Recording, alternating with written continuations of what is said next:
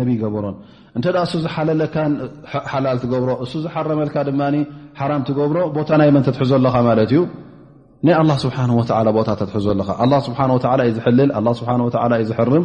ወይ ልኡኽ ኣላ ስብሓን ወላ ዝለኣኽ ክኸውን ኣለዎ ብዋሓይ ዝቕበል እሱ ድማ ንድሕር ኣመሓላልፉልካ ከምኡ ጌርካ ተኣምነሉ ማለት እዩ ክ እቲ ንነሳራ ነቶም ክርስትያን ኣብ ዓብ ጌጋ ዘውደቖም እንታይ ማለት እዩ እቲ ሉ ኢጥራ ነቲ ናይ ኣላ ስብሓን ወላ ዝተዋህቦም ነቶም ኣንብያ ሽመት ነዚ ሽመት እዚ ኣብ ክንዲ ከምታ ተዋህበቶም ንዓ ቀጣ ቢሎም ዝሕዙ ባዕሎም ብዝያዳ ሽመት እናወሰኹ ባዕሎም ብዝያዳ ድላዮም እናወሰኹ ነዚ ወዲ ሰብ ልክዕ ከም ጎይታን ከም ኣምላኽን ገይሮም ክኣምንሉ ክርከቡ ከለዉ እዚ እጥራ ወይ غሉው ይበሃል ላ ስብሓ የቁሉ ለሁም ላ ተغሉ ፊ ዲንኩም እቲ ንዕኦም ዘጥፍአ ሕጂ ኣይሁዳውያን ጀፋእ ክሕደት ኣጥፍእዎም ነዚኦም ድማ ዝያዳ እምነት ሕሉፍ እምነት ኮይኑ ኣብ ክንዲ በታ ኣላ ስብሓ ዝሃቦም እምነት ብኣ ቐጥ ዝብሉ ካብኡ ንላዕሊ ንክውስኹ ስለ ዝተረኸቡ ኣላ ስብሓን ወተላ ኣብቲ ናይ ክርስትና ዘሎ ጌጋ ይሕብረና ማለት እዩ ነቢይ صለ ላه ለ ወሰለም እዚ ጉዳይ እዚ እውን ዓብ ጌጋ ከም ምኳኑ ኣብዚ ጌጋ እዚ ንኸይንወድቕ እውን ኣጠንቂቖምና እዮም እዚ ተግባር እዚ እውን ናይቶም ክርስትያን ከም ዝነበረ እውን ኣብ ሓዲ ነቢ ለ ላه ለ ሰለም ንረኽቦ የቁል ነቢ ለ ላه ለ ወሰለም ን ዑመር ኣነ ረሱላ ላ ለ ላ ለ ወሰላማ ቃል ላ ተጥሩኒ ከማ ኣጥረት ነሳራ ዒሳ ብነ መርየም ማለት ንዓይ ካብቲ ኣላ ስብሓን ወተዓላ ዝሃበኒ ቦታን ኣላ ስብሓን ወተዓላ ዝሃበኒ ሽመትን ካብኡ ንላዕሊስ ክትርእዩኒ የብልኩምን ካብኡ ንላዕሊ ዝያዳ ክትህቡኒ የብልኩምን ልክዕ ከምቲ ክርስትያን ተጋገይዎ ኣብ ዒሳ ዓለ ሰላም ከምኡ ክትጋገዩ የብልኩምን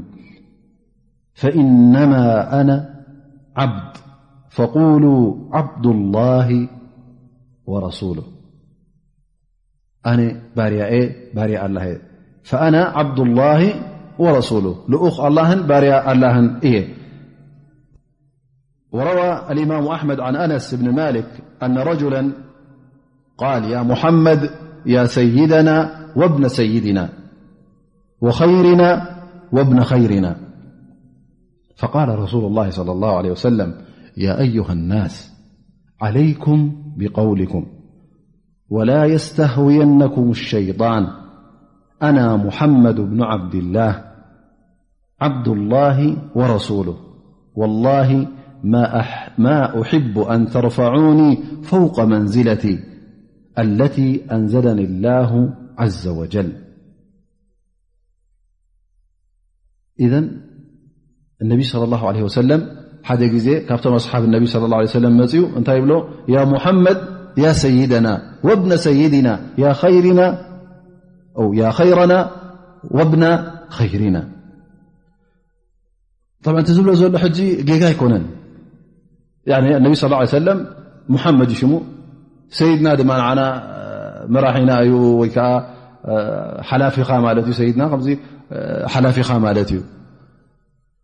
ወብነ ሰይድና ወኸይርና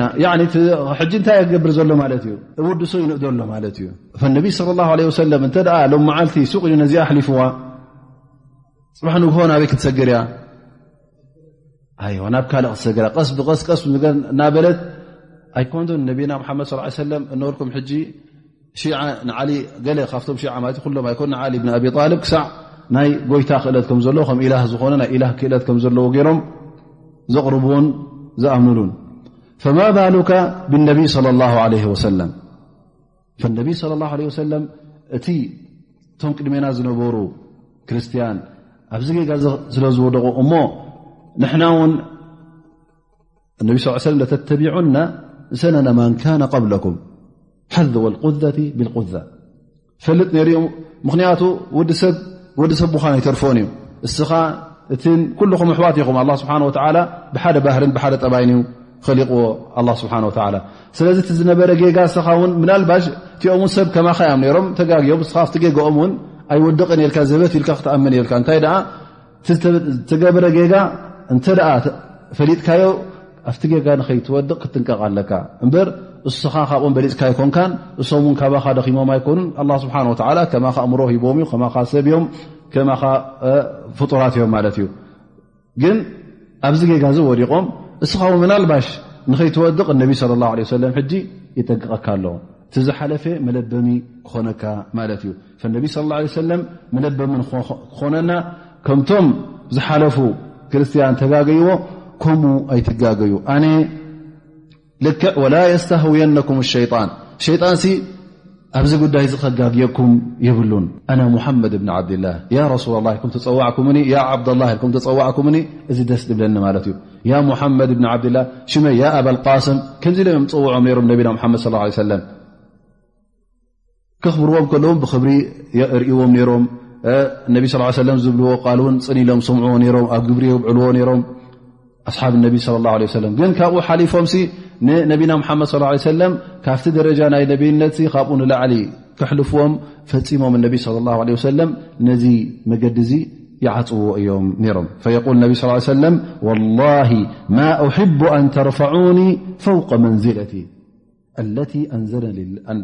ኣንዘለኒ ላሁ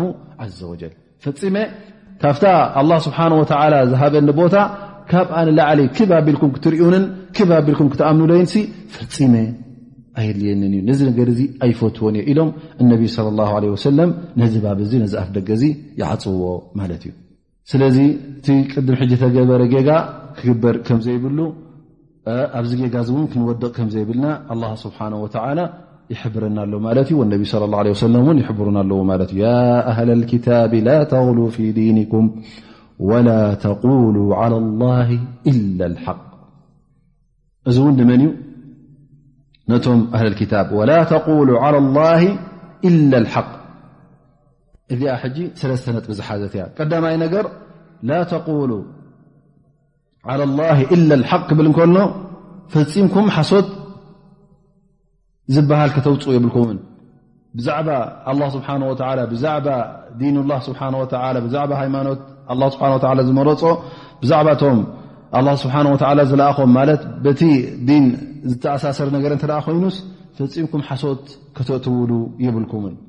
ሓደ እዚ እዩ ካልኣይ ነጥቢ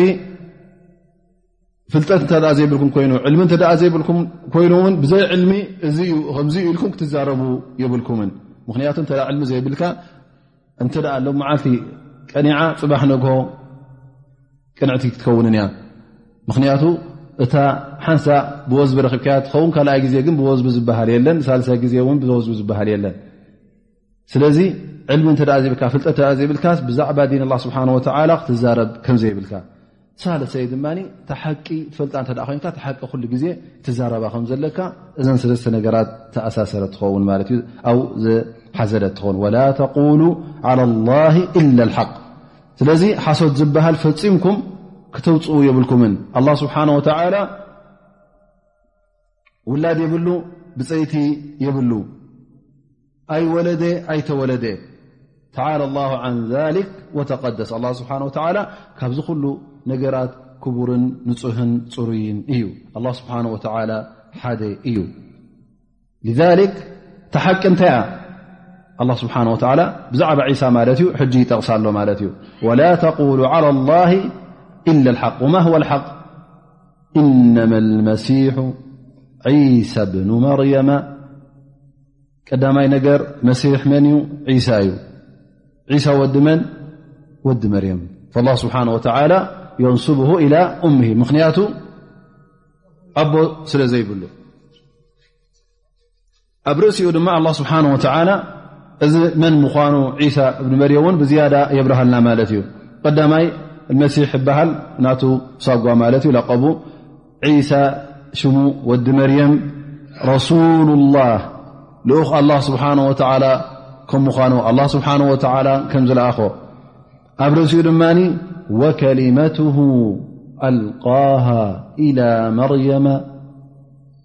ወሩሑ ምን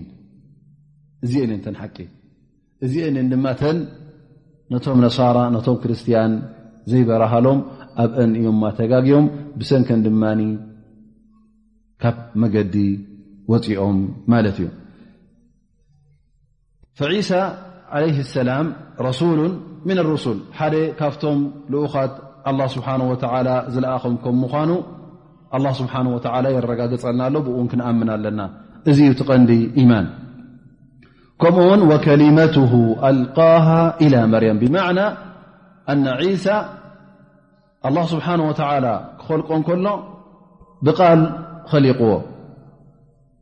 ብማዕና ልክዕ ክኸልቆ ከሎ ከምቲ ናይ ደቂ ሰብ ሰበብ ኣይገበረሉን ማለት እዩ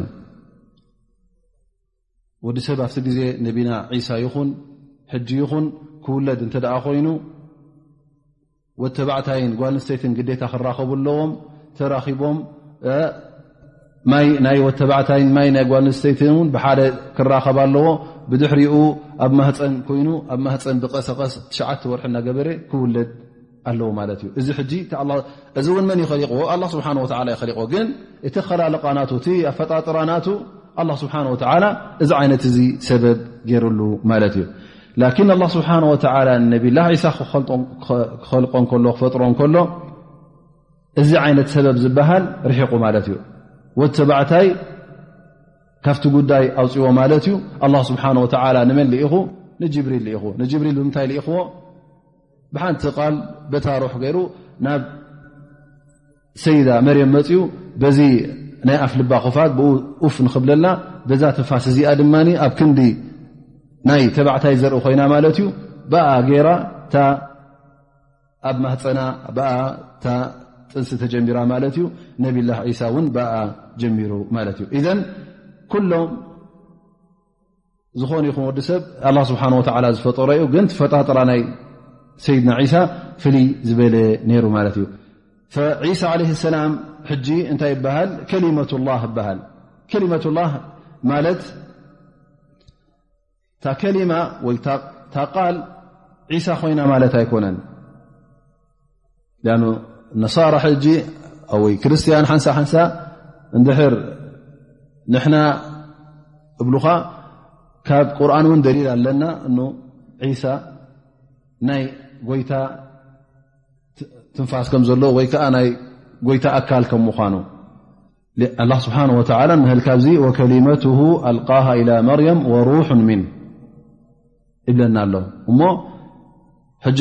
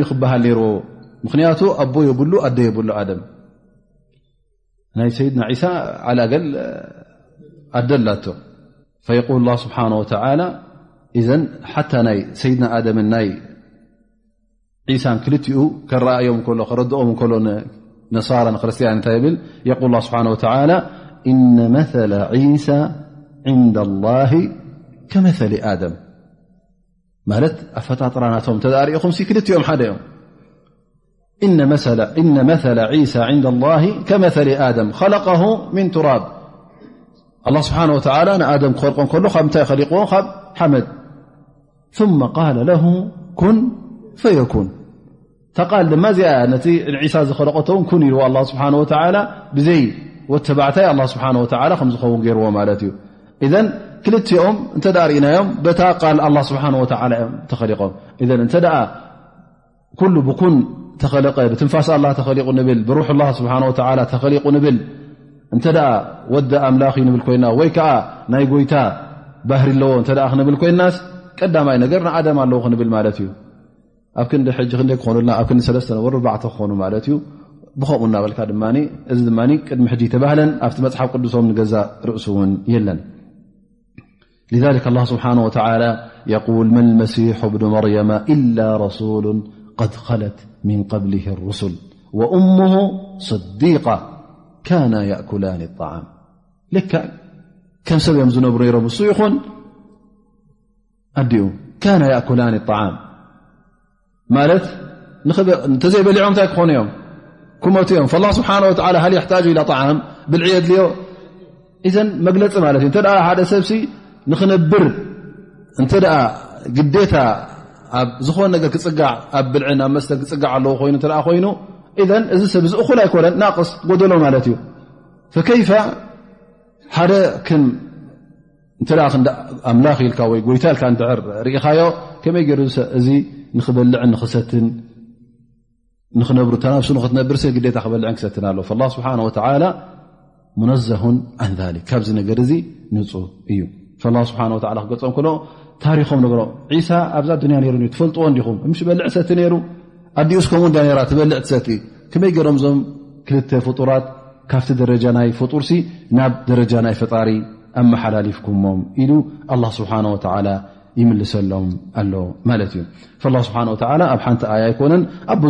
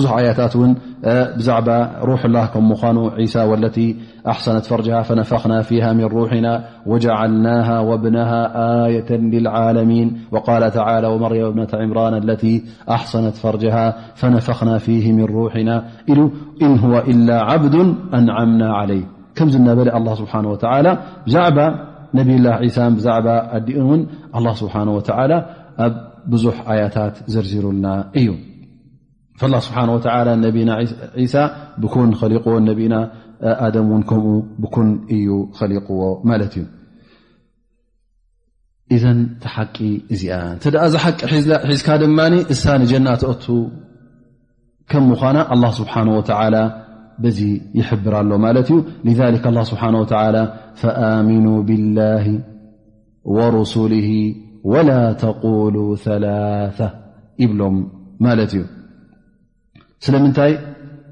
النبي صلى الله عليه وسلم - روى البخاري عن عبادة بن صامت عن النبي صلى الله عليه وسلم - قال من شهد أن لا إله إلا الله فآمنوا بالله الي وحده لا شريك له وأن محمدا عبده ورسوله وأن عيسى عبد الله ورسوله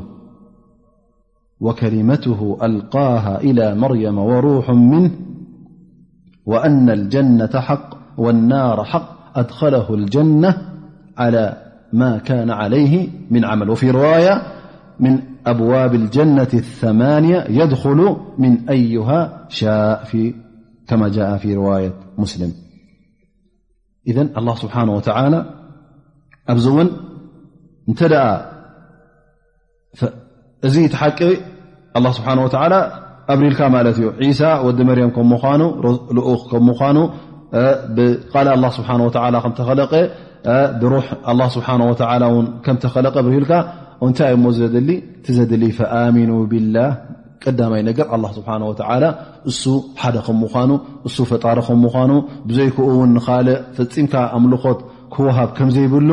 እዚ ተኣምን ማለት እዩ ወሩሱሊ ልኡኻቱ ድማ ኩሎም ተኣምነሎም ቀዳማይ እቲ ነቢና ሓመድ ለ ላ ሰለ ዝበለፀ ነቢ ናይ መጨረሻ ነቢ ብኡ ተኣምን በቲ ሳ ን ነብላ ሳ ተኣምን በቶም ካልኦት ኣንብያ ውን ሎም ቶም ኩሎም ልኡኻት ውን ክትኣምን ኣለካ ማለት እዩ እዚ እንተ ኣሚንካ ብድሕሪኡ ጀና ሓቂ ምኑ ጀሃንም ሓቂ ምኑ ማ ዮም ያማ ከዘሎ ፅባ ንግ ሒሳብ ከዘሎ ፅባ ንግ እታይ ገርካ እታይ ዘገበርካ በዓል ማን ተ ኮንካ ስብሓ ጀና ክፈደካ ከምኑ በዓል ጀሃንም ድማ እቲ እከይ ግብርን ካሓድን ከምዝነበረ እዚታ ተ ኣሚንካ ዝገበርካ ተገበርካ ጌካታት ስብሓ ታቐንዲ ታ ተውሒድ እተ ኮይና ታ ማን ብሓቂ እተ ኮይናስ ብድሕሪ ዚ ስብሓ ዘንብኻ ክቕፍረልካ ከም ምዃኑ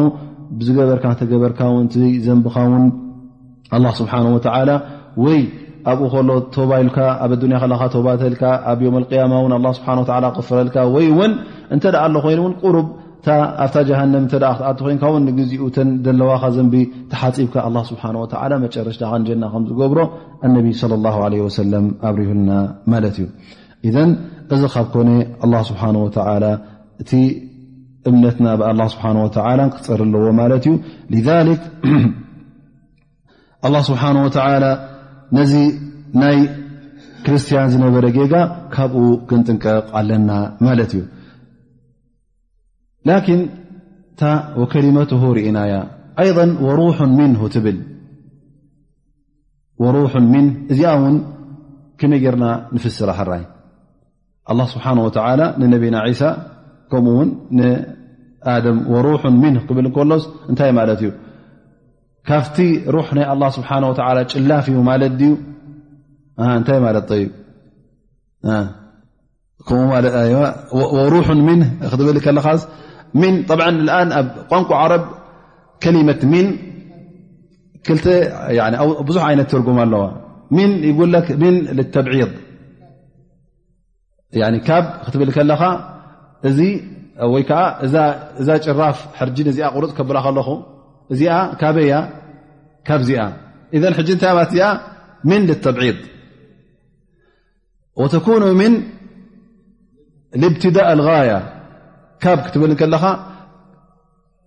ካብ ኣስመራ ንኸረን መፅ ክትብል ከለካ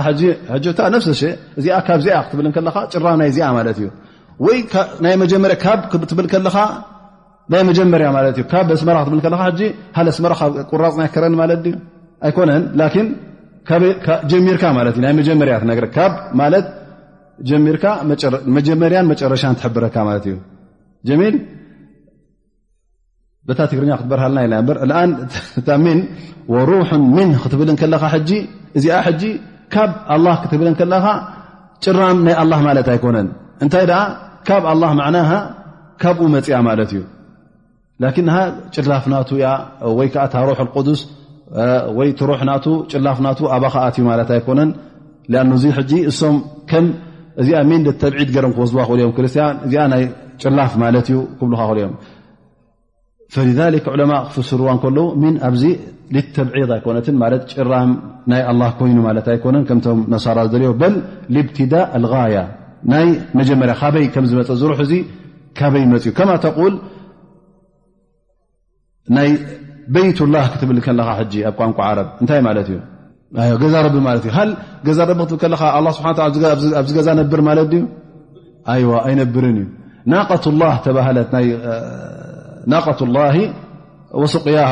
ወስቅያ ምስ ተባህለት ሃ እዚኣ ሕዛ ገመል እዚኣ ናይ ኣላ ስብሓ ወላ ማለት እዩ ግን እንታይ ማለት እዩ ናይ ኣላ ሃ ስብሓ ናቱያ ዋናኣ ሰራ ነብላን ማለት ድዩ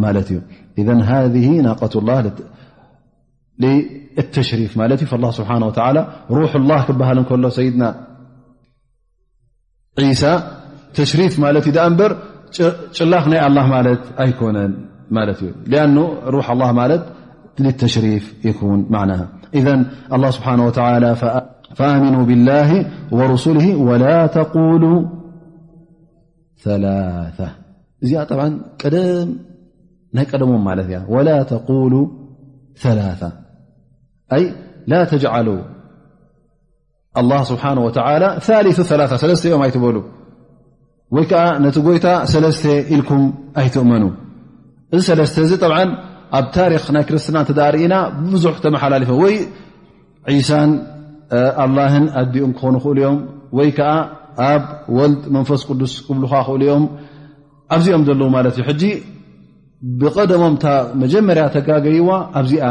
እያ ማለት እዩ ንላ ስብሓን ወተላ ኣብ ክንዲ ሓደ እዩ ዝብሉ ሰለስተ ሰለስተ ግን ኣብ ርእሲኡ ሓደ ይብሉካ ማለት እዩ ሕጂ ዓድሰኻ ደብር ነፍሰ ሰለስተ ከመይ ገሩ ሓደ ኸውን ሓደ ከመይ ገሩ ሰለስተ ኸውን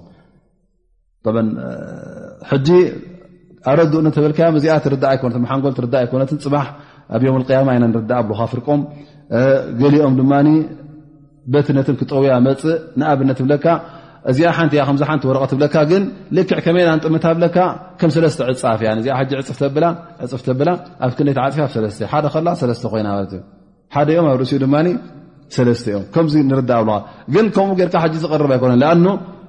ኣብ ዝበሃል ኣሎ ወልድ ዝበሃል ኣሎ ትወዲ ድማ ዒሳ ዓለ ሰላም እዩ መንፈስ ቅዱስ ዝበሃል ኣሎ ሩሕ ቅዱስ ዝበሃል ኣሎ ኣየናይ እዩ እቲ ሃል ኣብ ምስ ወልድ ክልቲኦም ሓደ ድኦም ክል ብ እሶም ንገዛእ ርእሶም ኣብዚ እውን ብዙሕ ተፈላለዮም ማለት እዩ ሃል ዒሳ ዓለ ሰላም ምሉእ ወዲ ሰብ ድዩ ወይስ ወዲ ሰብን ኣምላኽን እዩ ወዲ ሰብን ኣምላኽን እዩ ምስ በሉ እውን ኣብኡ ተፈላለዮም ሃል ከመይ ትምትሕዋሶም ገሊኦም ኢሎም ልክዕ ከማይን ፀባን ዝሓወስካዮ ጎይታን ሰብን ክልተ ባህሪ ማለት እዩ ናይ ሰብ ባህርን ናይ ቢዓ እንሳንያ ቢዓ ኢላህያ ክልኡ ተሓዋዊሱ ልክዕ ከመይ ተሓዋዊሱ ብልካ ከም ማይን ፀባን ተሓዋዊሱ ብልካ ገሊኦም እዘን ሓደ ኮይኖም ተዘጭ ገሊኦም ብልካ ከምኡ ይኮነን ከመይ ኣ ንኣብነት ሕጂ እተ ከትም ኣምፅካ ኣብ ሽምዓ ጣዓቢ እተ ኣቢልካ ሕጂ ተኣሰር ናይቲ ኸትም ኣበይ ወፅእ ኣብቲ ሽምዓ ሕጂ እንታይ ኮይኑ ኣ ሽምዓን ትኸትምን እንታይ ኮይኑ ብልካ ሕጂ ሓደ ኮይኑ ሕጂ ኸትም ድ ሽምዓ ድ ሕጂ ተሓዋዊሱ ማለት እዩ እዘን እዚ ከምዚ ገይሮም ከረድኡኻ ይፍትኑ ማለት እዩ ኣብ ርእሲኡ ዳሕራይ እንደገና መታይ ተፈላለዮም ንኣብነት ከኒሰ غርብያ ወሸርቅያ ደበኣሰል እንታይ እዩ ማለት ሮማን ቆስጠንጢንያን ናብ ቱርክያ ዝነበረት ዳሕራይ መጨረሻ ዞም ታሽሙ ሒዞማ ዘለዎ ማለት እዩ ዩናን ግሪክ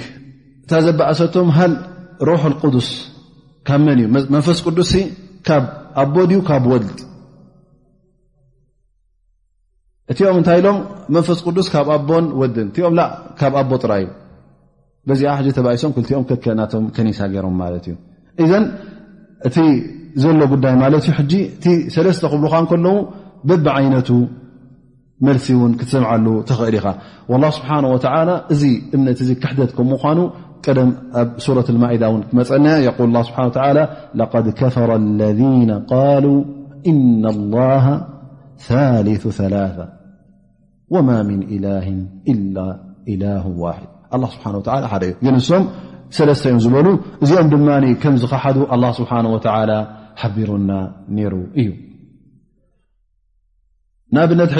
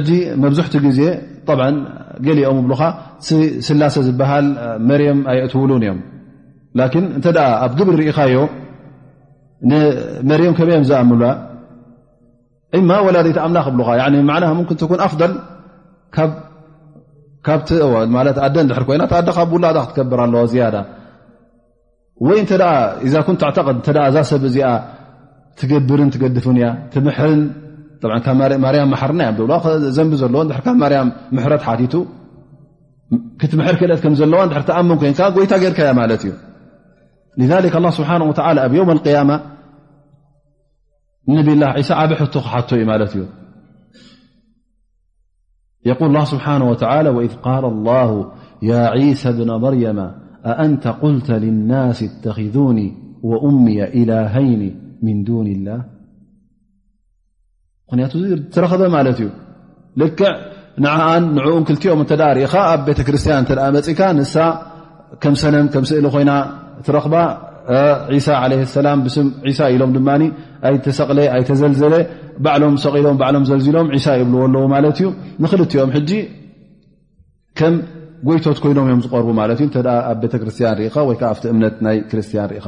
ላ ስብሓን ወ ኣብ ዮም ያማ ንዒሳ እዚ ዓብ ጌጋ ተረኸበ እስኻ ኢድ ነይሩካ ድዩ ኢሉ ይሓቶ ማለት እዩ ስብሓ ኣለም ፈልጥ እዩ ግን ብዝያዳ ነቶም ኣብዚ ጌጋ ዝወዲቖም ዝነበሩ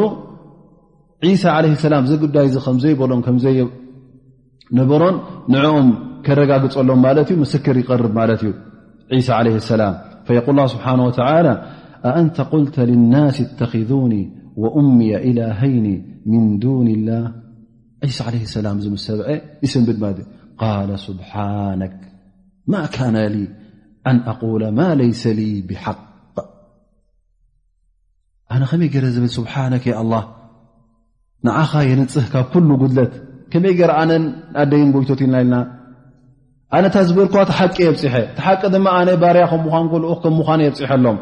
ንስኻ ጎይቶኦም ከም ምኳንካ ንዓኻ ንከምልኹ ثመ የقሉ ዒሳ ለ ሰላም እን ኩንቱ ቁልት ፈቀድ ዓሊምተ ኣነ ኢለ ተ ኣነ እተ ኢለዮ እውን ንስኻ ትፈልጦ ኢኻ ረቢ እነከ ተዕለሙ ማ ፊ ነፍሲ ወላ ኣዕለሙ ማ ፊ ነፍሲክ ኣንተ ረቢ እስኻ ካቲ ነፍሰይ ዘሎ ዝበልክዎ ዝሓባእክዎ ዘግሃትክዎን ኩሉ እስኻ ካትፈልጦ ኣነ ግን እታ ንብስኻ ዘላ ታስኻ ትሓብኣለይ እታ ዘገርካ እተዘይኮይና ካልእ ፈፂመ ዝፈልጦ የብለ ዕልመ ልቀብ የብለይ እስኻ ግን ኩሉ ትሕብኡ ነገር ይኹን ስቱር ነገር ይኹን ጉሉህ ነገር ይኹን ኩሉ ትፈልጦ ኢኻ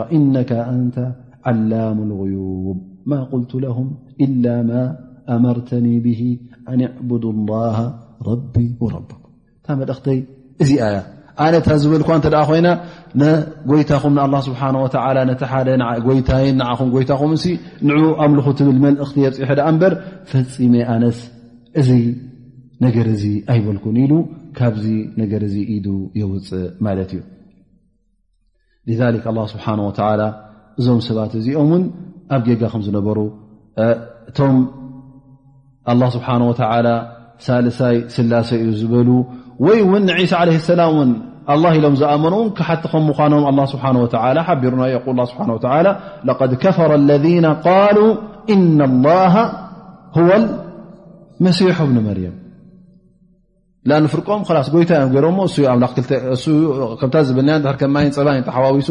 ማለት ላስ ኣብኡ ከሎ ጎይታ ኮይኑ ማለት እዩ ፈኢዘን እንተ እሱ ጎይታ ይበሉ ወይ ከዓ ወዲ ጎይታ ይበሉ ወይ ከዓ ሰለስተ ስላሰ ዝበሉ እዞም ሰባት እዚኦም ኩሎም እንታይ ኮይኖም ማለት እዩ ክሒዶም እዮም ማለት እዩ ذሊክ ዕለማ ይብሉ ነሳራ እቲ ዕልሞም ክሪኦ እንተ ደኣ ኮንካስ መትሓዚ የብሉን እቲ ክሕደቶም እውን መጨረሻ የብሉን ምኽንያቱ ብዙሕ ቃላት ኢኻ ትረክብ ካብቲ ትሰምዖ ካልእ ካብቲ ትሰምዖ ካልእ እዚ ዝኣምነሉ ካልእ እቲ ዝኣምነሉ ካልእ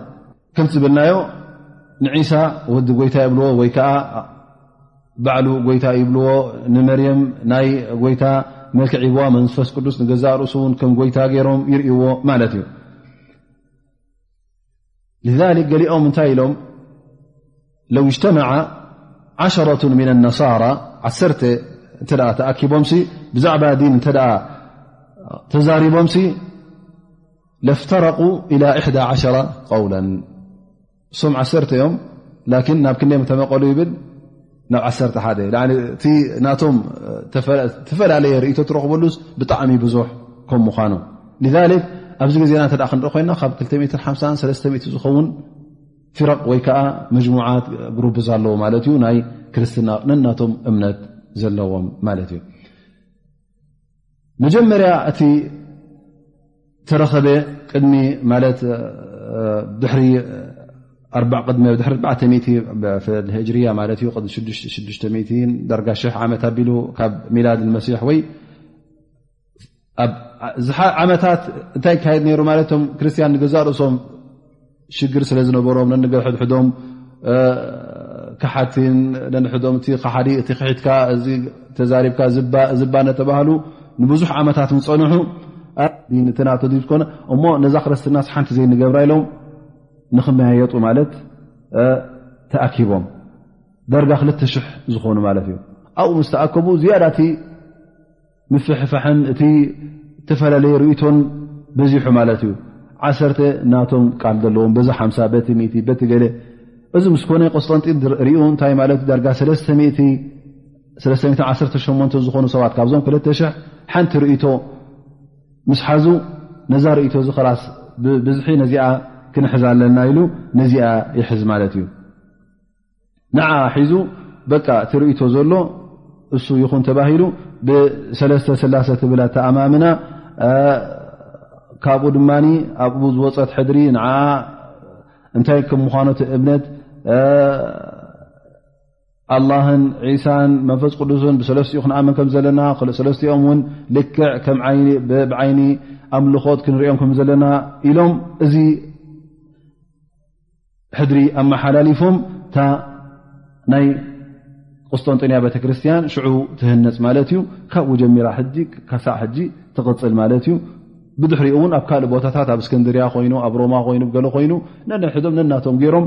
ብኡ ድማ ተን ቤተክርስትያናታት በዚሐን ማለት እዩ ስለዚ እቲ ናቶም እምነትን እቲ ናቶም ዓቂዳን ብከምዚ ብኣኼባን ብኩሉ እናተኻየደ ንግሆ ንግሆ ሓድሽ እናኣተወ ነቲ ሃይማኖት ዘይናቱን ዘይተፃሓፈን ኣብ ክታብ ዘይነበረን ሓድሽ እናኣተወ ብከምኡ ፋሕብትን ኣትዎ ማለት እዩ ذ ስብሓ ወ እንተሁ ኸይራ ለኩም ይብሎም ካብዚ ነገር እዚ ካብዚ ኣካይዳ እዚ ተቆጠቡ ደው በሉ ኣብዚ ኣካይዳ እዚ ኣይትቐፅሉ ኢሉ ኣላ ስብሓን ወተዓላ ካብቲ ሓቂ ንክምለሱ ኣላ ሓደ ምዃኑ ንክኣምኑ ነብላ ዒሳ እውን ነብ ልኡኽ ከም ምዃኑ ንክኣምኑ ኣላ ስብሓን ወተዓላ ይፅውዖም ማለት እዩ ኢነማ ላሁ ኢላሁ ዋሒዱን ስብሓነሁ ኣን የኩነ ለሁ ወለድ ኣላ ስብሓን ወተዓላ ሓደ እዩ ፈፂሙ ውላድ እውን የብሉን ካብዚ ነገር እዚ ንፁህ እዩ ውላድ እውን ኣየድልዮን እዩ ከመይ ጌርካ ንኣላ ስብሓን ወተዓላ ነቲ ፍፁም ክእለትን ፍፁም ድልትን ፍፁም ፍልጠትን ዘለዎ ከመይ ጌርካ ነዚ ልክዕ ከም ናይ ወዲ ሰብ ይወልድን ይወልድን ኢልካ ንኽትኣምነሉ እዚ ኣረኣያ እዚ ቅኑዕ ከም ዘይኮነ ኣላ ስብሓን ወተዓላ ይሕብሮም ማለት እዩ እንታይ ብል ወላه ማ ፊ ሰማዋት ወማ ፊ ኣርض ወከፋ ብላ ወኪላ ኣላ ስብሓን ወተላ እቲ ዝወልድ መን እዩ ዝወልድ ኩሉ ግዜ መተካእታ ዝደሊ ምክንያቱ እንተ ዘይወለድካ ትቁረፅ ማለት እዩ ትጠፍእ ማለት እዩ ብዘይ ዙርያ ትተርፍ ማለት እዩ ጎደሎ ስለ ዝኾንካ ኢኻ ሕጂ እስኻ ውላድ ዘድልየካ ዘሎ ማለት እዩ መተካእታ ንዓኻ እስኻ ምስ ሞትካስ ንዓኻ ዝትክኡ የድልየካ ኣሎ ማለት ንብረት ኣለካ ገንዘብ ኣለካ ንሶም ድሕሬኻ ከናብርዎ ማለት እዩ ብድሕሬኻ ሶም ክወርስዎ ላ ስብሓን ወተላ እንተ ክወልድ ኮይኑ ማለት እሱ እውን ውላድ የድልዮ ኣሎ ማለት እዩ ምክንያቱ ኣይነብርን ማለት እዩ ምክንያቱ ዘተክኦ ደሊ ኣሎ እዘን ፊ ሓቂ ላ ስብሓ ወላ እዚ ተዳሪካ ነቕስ ክኸውን ማለት እዩ ከመይ ጌርካ ንኣላ ስብሓ ወ በዚ ዓይነት እዚ ትሪኦ ላ ማ ፊ ሰማዋት ወማ ፊ ኣር ኣላ ስብሓ ወላ ሙሉእ ዘይጎደሎ ኣብ ሰማይን ኣብ መሬትን ዘሎ ኩሉ ናቱ እዩ ስለዚ ውላድ ዘድልዮ ኣይኮነን ንምንታይ ይወልድ እተ እታ መልእኽቲ ክብፅሕ ኮይኑ ብደቂ ሰብ ገይሩ ብመላካ ገይሩ እታ መልእኽቲ ይብፅሓ ኣሎ ስለዚ ኣላ ስብሓን ወተላ ሙሉእ ዘይጉድል እዩ ወከፋ ብላ ወኪላ ላ ስብሓን ወተላ ኩሉ ናብ ዓለም ዘሎ ንሱ ከም ድላዩ እዩ ዝገላብጦ ኣላ ስብሓን ወተላ እውን ዝደለየ ዝገብር ማለት እዩ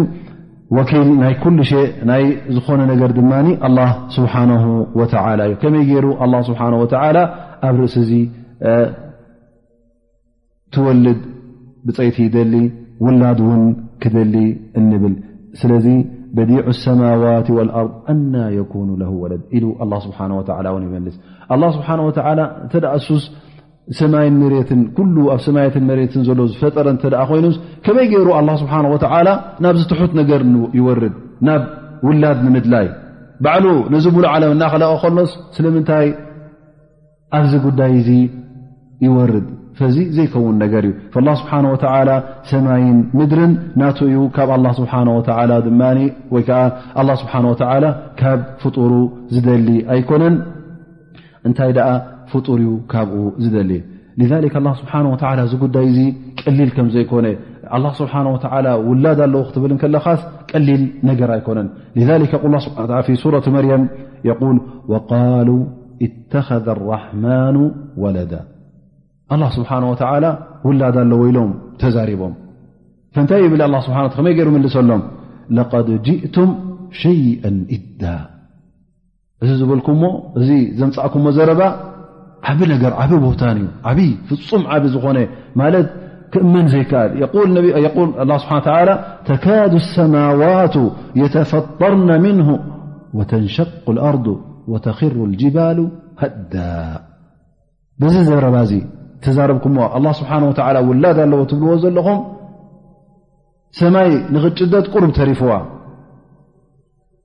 ከምኡ ውን መሬት ንኽጭደድ ውን ቅሩብ ተሪፍዋ ኣኽራናት ውን ንኽፈርስ ብሰንኪ ዝዘረባኹም ውን ቅሩብ ተሪፎ ኢሉ ኣላ ስብሓን ወተላ ይሕብር ማለት እዩ እዘን ዓም ዓብ ዘረባ ከም ምኳኑ ዓብ ጌጋ ከም ምኳኑ ኣላ ስብሓን ወተላ ይሕብረና ተካዱ ሰማዋት የተፈጠርና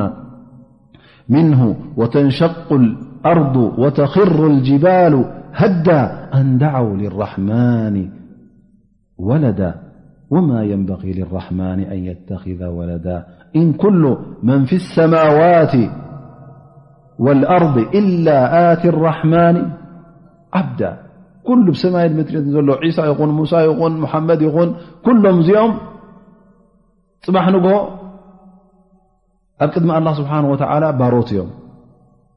ዝዓበየ ክልቂ መላእካ ክንምንታይ እዮም ዝኾኑ ንሕና ንፈልጦም ኣይኮና ግን እነቢ ስለ ላሁ ለ ወሰለም ጅብሪል ሓደ ግዜ ብቲ ኣላ ስብሓን ወተዓላ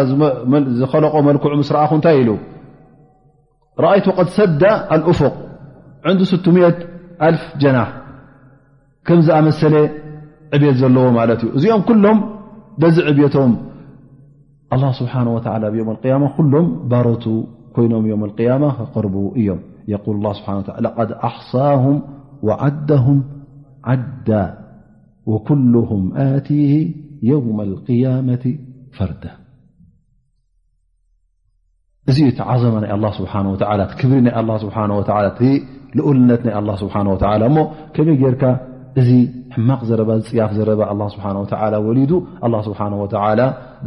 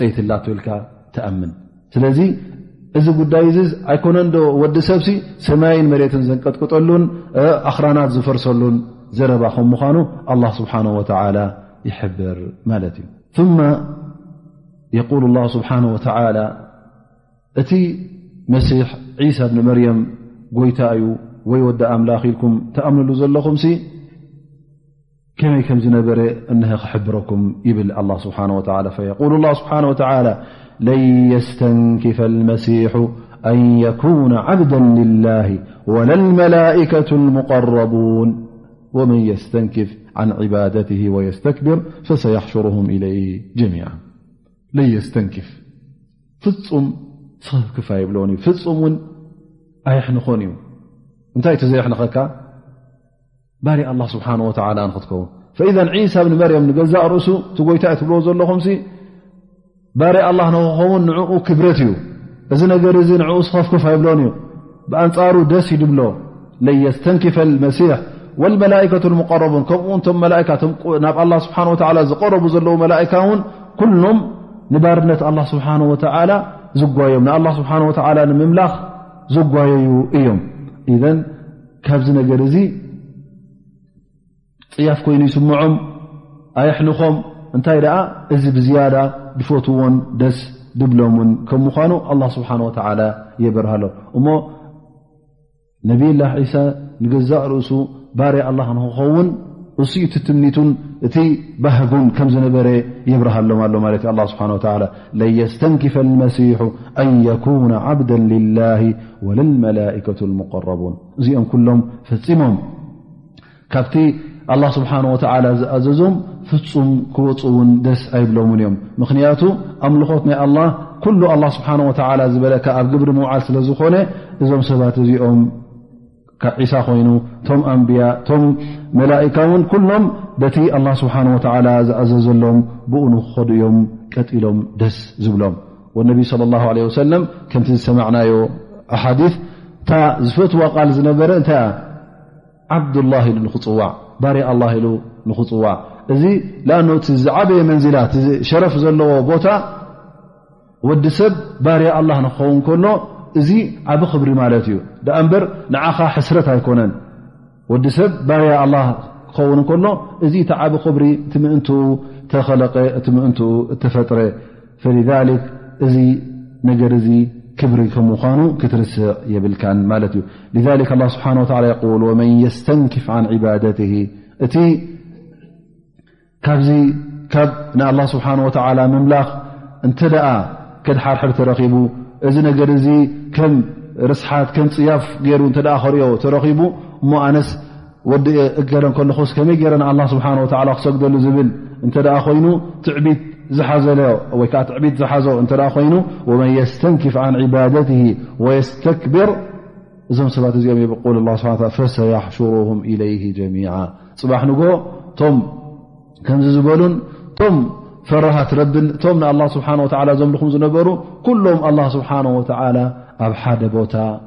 ክእክቦም እዩ ኣብ ዮም ኣልቅያማ ኩሎም ኣላ ስብሓን ወተዓላ ምእንቲ ፍርዶም ንክቕበሉ ኣላ ስብሓን ወተዓላ ክእክቦም እዩ ፈሰያሕሽሩሁም ኢለይህ ጀሚዓ ፈትዮም ፀሊኦም ኣላ ስብሓን ወተዓላ ኣብ ዮም ኣልቅያማ ኩሎም ክእክቦም እዩ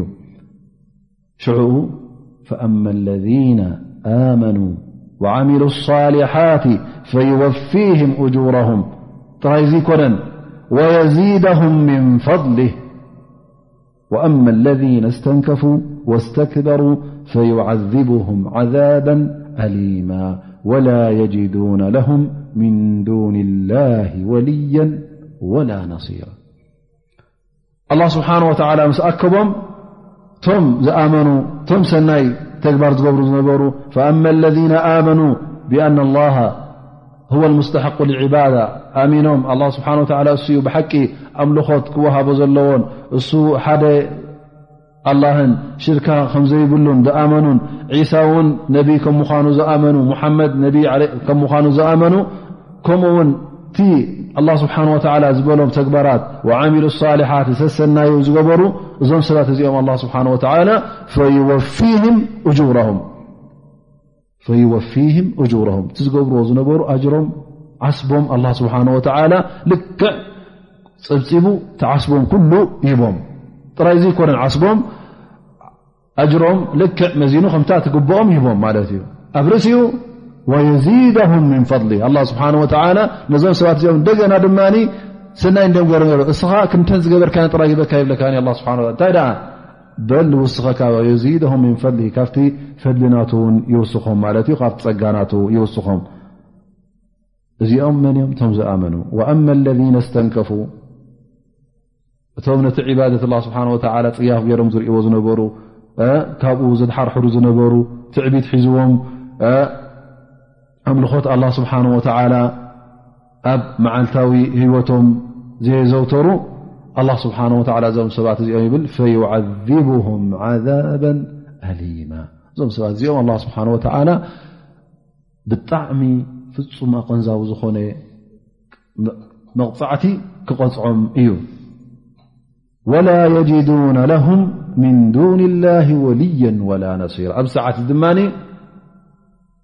ፈፂሙ ዝሕግዞም የለን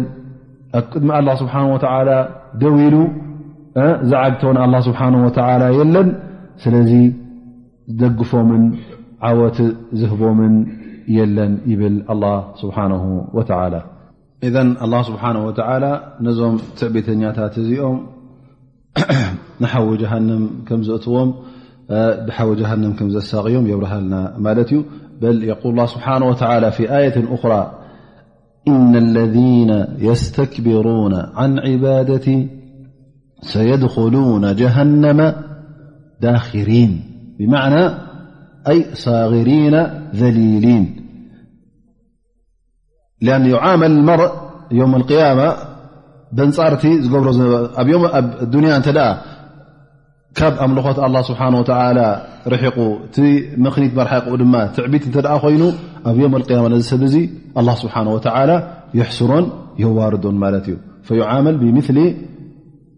ወይ ከዓ ብዓክስ ማ ካነ ዓለይህ ፊ ዱንያ ትዕቢት እንዲ ከልእዎ ነይሩ ኣላ ስብሓን ወተላ ን እቲ ትዕቢትካ ነብስኻ እንደ ዓጂባትካ ነራ ን ክሳዕ ክንደይ ክብሪ ከም ዘለካ ሎ መዓልቲ ምስቲ ክብሪ ኣላ ስብሓን ወተላ ክትወዳደር እተ ትኽእል ኮንካ ኢሉ ኣላ ስብሓን ወተላ ነዚ ሰብ እዚ የሕስሮን የዋርዶን ማለት እዩ ሸይጣን እውን ንገዛእ ርእሱ ካብ ትእዛዝ ኣላ ስብሓን ወተዓላ ንዓ ንኣደም ስጀደሉ ምስ ተባሃለ እታ መኽኒት መእበይቲ እንታይ እያ ነይራ ክብር ስትክባር ማለት እዩ ስለዚ እቲ ቀንዲ መጥፍኢ ንሰብ ዘጥፍእ ናብ ክሕደት ይኹን ናብ ማዕስያ ካብ ትእዛዝ ኣላ ስብሓን ወተዓላ ዘውፅኦ እንታይ እዩ ሓደ ካብቲ ቀንዲ ጠንቂ ተከቡር ማለት ትዕቢት እዩ ማለት እዩ እንተ ትዕቢት ኣሎ ኮይኑ እዚ ሰብ እዚ ናብ መገዲ ቅንዕናን ናብ መገዲ ሓቅን ቀልጢፉ ኣይምለስን እዩ ኩሉ ግዜ ነታ ነብሱ ልዕሊ ኩሉ ስለ ዝርኣ እንተ ጌጋ ኣልካዮ ንስኻ መን ኮይከ ንዓይ ጌጋ ትብለኒ ይብለካ ማለት እዩ ወላ እናፈለጣ ከሎ ካባኻ እንድያ መፅያ እስኻ ካብ በልካዮ ላስ እዛ ነገር እዚኣ ንዓኻ ካብ ትሑት ሰብ መፅያትኒ ኢሉ ንዓኻ ደስ ንኸየብል ንሱታ ትዕቢት ስለተሰማዓቶ ነዛ ክብሪ ናይ ነብሱ ስለተሰማዓቶ ነታ ሓቂ ይነፅጋ ማለት እዩ ነቢ ስ ሰለም የል ኣልክብር በጠሮ ሓቅ ወቐምጥ እናስ ማለት በጠር ሓቂ ከም ንሓቕ ወይ ከዓ ንሓቂ ምምላስ ማለት ነቲ ሓቂ እናረእኻዮ ከለኻ ብሰንኪ ትዕቢት ካሻንኩሉ ትባ ማለት እዩ ስለዚ እዚ ቅንዲ ንወዲ ሰብ ዘጥፍእ ይኸውን ማለት እዩ ናይ ሎም መዓልት ደርሰና እንሻ ላ ኣብዚ ንፍፅሞ እንሻ ላ ዘሎ ሰሙን ዘንተሪፈን ዘለዋ ኣያታት እንሻ ላ ናይ ሱረት ኒሳ ንውድኣ ማለት እዩ